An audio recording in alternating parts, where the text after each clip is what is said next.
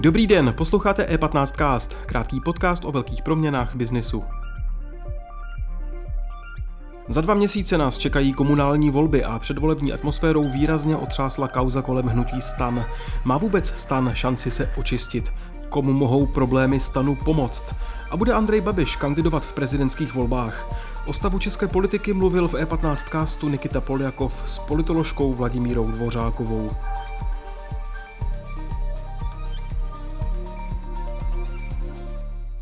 Teď už tu vítám politoložku Vladimíru Dvořákovou. Krásný dobrý den. Dobrý den. Jsme dva měsíce před komunálními volbami, eh, plus minus. Eh, Prahou pořád tak nějak jako rezonuje kauza eh, stanu. Máte pocit, že, nebo určitě asi ten pocit máte, ale jakým způsobem si myslíte, že ovlivnilo tu předvolební náladu v Praze tato kauza? Tak ovlivnilo to nesporně velmi silně a velmi to poškodilo stan jako takové a před komunálními volbami tím, že stan vlastně vychází ze starostu, vychází z komunální politiky, tak o to je ta rána asi větší. Uvidíme, jak moc to ovlivnilo voliče, protože naši voliči bohužel jsou za mnoha léta zvyklí na to, že skoro každé volební kampaně doprovázejí prostě různé skandály, podezření na politiky a v některých případech už se zdá, že to vlastně těm voličům je nějak jedno, protože mají pocit, že všichni jsou na tom stejně. Na druhou stranu stan se profiloval vlastně jako strana, hnutí, které je spjato s komunální politikou a není spjato tolik s těmi velkými skandály, s tou velkou politikou. Takže pro image a celkově charakter té politické strany to dopad bude mít zřejmě dosti velký.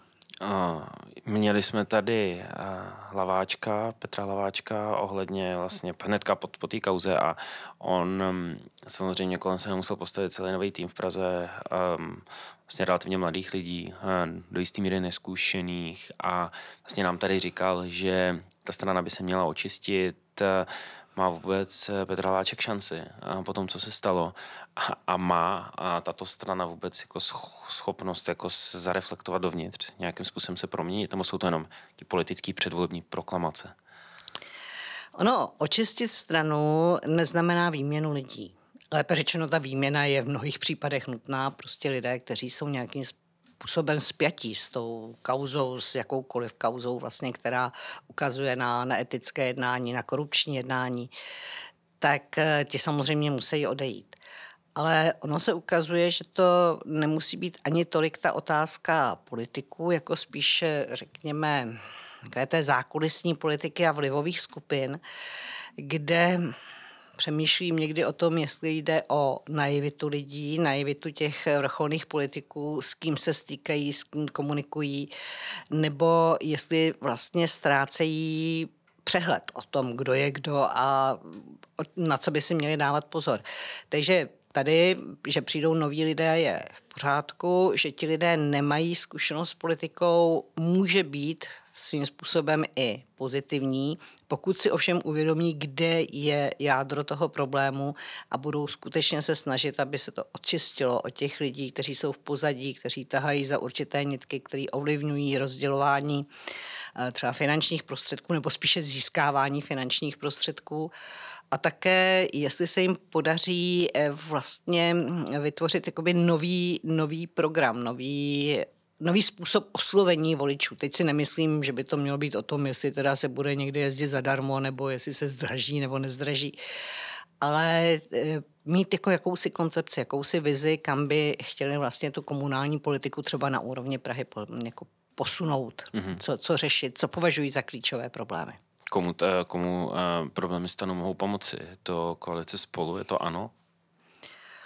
Um, samozřejmě vždycky to může pomoci všem těm, kteří ke stanu nepatří. E, u koalice spolu tam může být jistý problém, že jsou společně ve vládě, takže je to vnímáno, že i tam to může být samozřejmě nějakým způsobem ovlivněno nebo s kým jednali, ono se může stát, že vlastně se to začne promítat a ukazuje se to, že se to vztahuje, ta, ta kauza dozimetr, že se vztahuje prostě třeba i na další politiky i z jiných politických stran.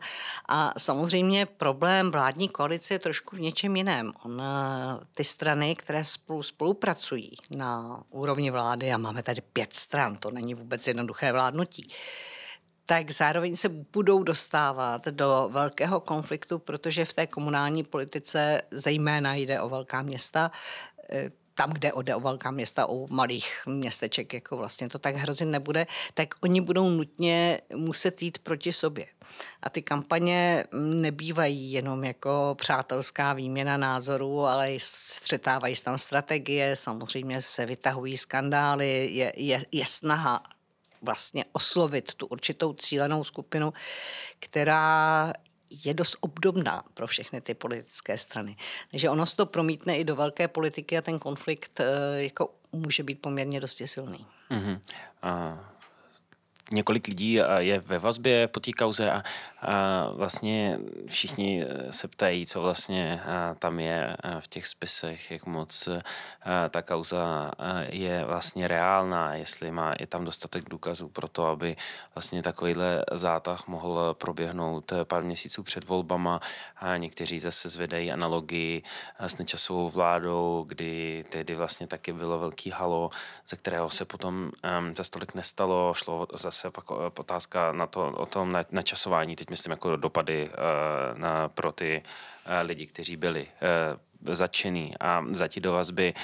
Um, co když vlastně se, se, se z toho nic nebude? Nepoškodí to strašně moc komunální, uh, národní politiku, zase důvěru v právní stát a podobně? Víte, my jsme trochu ve složité situaci, protože pokaždé je to před volbami. Ale protože ty volby probíhají skoro pořád. Máme velmi výjimečné období, kdybychom byli rok, kdy se nikam nevolí, ale, ale ve své podstatě ten volební kalendář je jasný. Teď máme senátní volby, máme komunální volby a fakticky se rozbíhá prezidentská kampaň. Když to takto vezmu, tak a připočtu k tomu ještě občas předčasné volby, které jsou, které jsou tedy parlamentní, tak my jsme v té volební kampani skoro pořád a v tomto okamžiku by nešlo odhalovat žádnou korupční kauzu. Prostě toto policie je povinna jednat v momentě, kdy má určité věci, má určité informace, má opravdu důvodné podezření, že k něčemu takovému došlo a tam si myslím, že z toho docela vyplývá, že to důvodné podezření jako asi je důvodné. Takže prostě jednat bez ohledu na to, jaký je volební kalendář, protože z tohoto důvodu bychom mohli zametat pod koberec úplně všechno. Eh, na druhou stranu eh, je vždycky otázka, jak tyto věci vyšetřovat. A to je mnohem hlubší problém, protože mm, i někdy, jak jsou postaveny zákony, i to, jak se získávají důkazy, zejména pokud jde o korupční jednání, tak eh, princip dokazování je velmi složitý pro mě osobně asi největším takovým jako šokem potvrzením toho, že opravdu něco není dobře, je rovina, kdy se člověk podívá na charakteristiku a minulost těch lidí, kteří byli v pozadí té kauze. Oni byli spíše v popředí, ale, ale nebyli přímo jakoby politické osobnosti. A tam mě přišlo teda, jestli mohu hovořit o naivitě, jak, jak je vlastně možné, že s těmito lidmi se udržoval kontakt, že ta strana nezabránila, aby nedostávali peníze od tohoto typu lidí, kteří byli prostě známí. O nich se vědělo, že je to problematické. A to je, myslím si, to asi jako velké poučení a to vědomí toho, že mm, opravdu nešlo jenom o nějakou náhodu, ale že tam to propojení prostě bylo nebo minimálně, že ta strana neměla nastavené kontrolní mechanismy, které by jí zabránily v tom, aby se dostala do takovéhoto problému. Mm-hmm. Vy jste zmínila prezidentské volby, další volby, které nás po komunálu čekají. A bude Andrej Babiš kandidovat? Otázka, kterou všichni pokládají. Je to pro vás už jasná věc? Tak já si myslím, že pokud nenastane nějaká nepředvídatelná okolnost, takže kandidovat bude, to je mm, ta oznámení té kandidatury je vždycky součást volební kampaně, to znamená, je to strategické rozhodnutí, kdy, v jakém momentě bude věnována větší pozornost, když se to oznámí.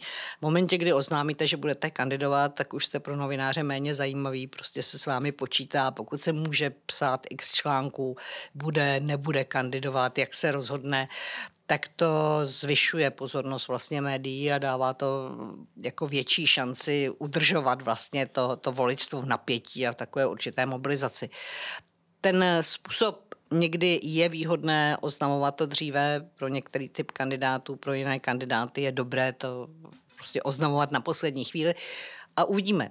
Jako může se to, to je propočet vlastně týmu. Ty volby zejména ty prezidentské, jsou velice moc o strategii a marketingu. Jako když prodáváte nějaký produkt a chcete ho dostat a chcete v jistém momentě, aby, aby mu byla věnovaná pozornost, ale aby ta pozornost se zase udržela, protože známe mnoho případů z volebních kampaní, kdy je to protažené, kdy to jakoby je příliš dlouho už tam ten kandidát, takže se o něj skoro nikdo nezajímá, ten kandidát pak musí dělat všechno možné, aby, aby tu pozornost budil. Takže já si osobně myslím, že to rozhodování, byť vždycky může se něco stát, co ovlivní definitivně to rozhodnutí, tak to rozhodování je otázka, nebo to zveřejňování je otázka prostě strategie mm, volební kampaně a není to, není to nic záhadného. Andrej Babiš má strategii, má určitě nějaký marketing zajímavý, má, nějak, má brand, má politickou podporu, má velice silnou stranu. V poslanecké sněmovně je někdo, kdo mu může konkurovat eh, ze současných lidí, o kterých se mluví, řekněme. Tak já si myslím, že může konkurovat víceméně kdokoliv, kdo bude mít dobrou strategii, kdo bude mít dostatek finančních prostředků a kdo dokáže ten image vytvořit. Samozřejmě musí to být zároveň osobnost, která má určité charisma, která dokáže pružně reagovat. Ono umělé vytváření kandidátů zase není tak jednoduché, že prostě vezmu někoho a řeknu si, hele, tak jako na tom postavíme ten image toho prezidentského kandidáta. Něco v něm musí být. Musí se také vědět, vědět, co lidé vlastně hledají v těch prezidentských kandidátech, eh, což je občas úplně něco jiného, než co prezident vlastně u nás může dělat.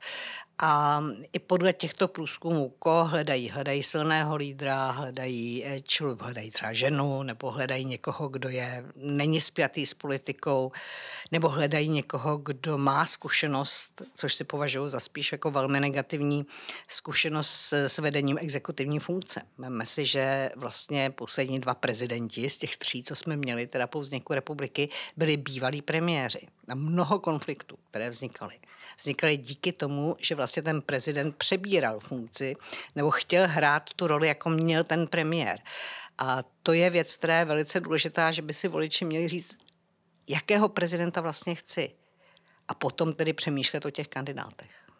Mm-hmm. A ještě eh, finální dotaz nás čeká. Vlastně docela složitý období na podzim, eh, ekonomika jde dolů, eh, energie jdou nahoru, teď vlastně velké otazníky mohou ta, t, tyto krize negativně ovlivnit ty volby, nebo jakým způsobem mohou. Třeba jestli nemohou také dát podněty k tomu využívat mnohem víc populistický proklamace, nějaký sliby, které ve složitý době mohou fungovat na určitý typ voliče. Jak vlastně tyto krize mohou zamávat s volbami, ať už komunálními, tak prezidentskými?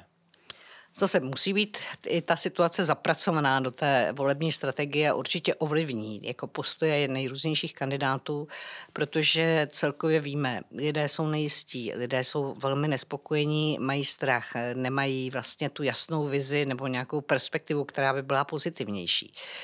Takže práce se strachem, práce s negativními emocemi, to je ten jasný rys toho populismu. Ten se velice často v této podobě jako objevuje, že využívá všech těch emočních pocitů lidí a oslovuje díky tomu.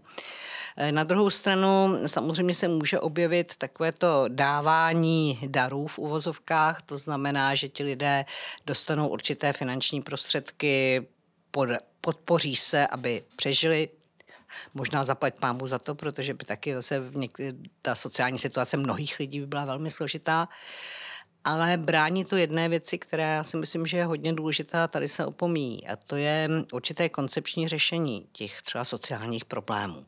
Protože u nás je představa, že sociální problém se řeší tak, že se někomu přidají finanční prostředky.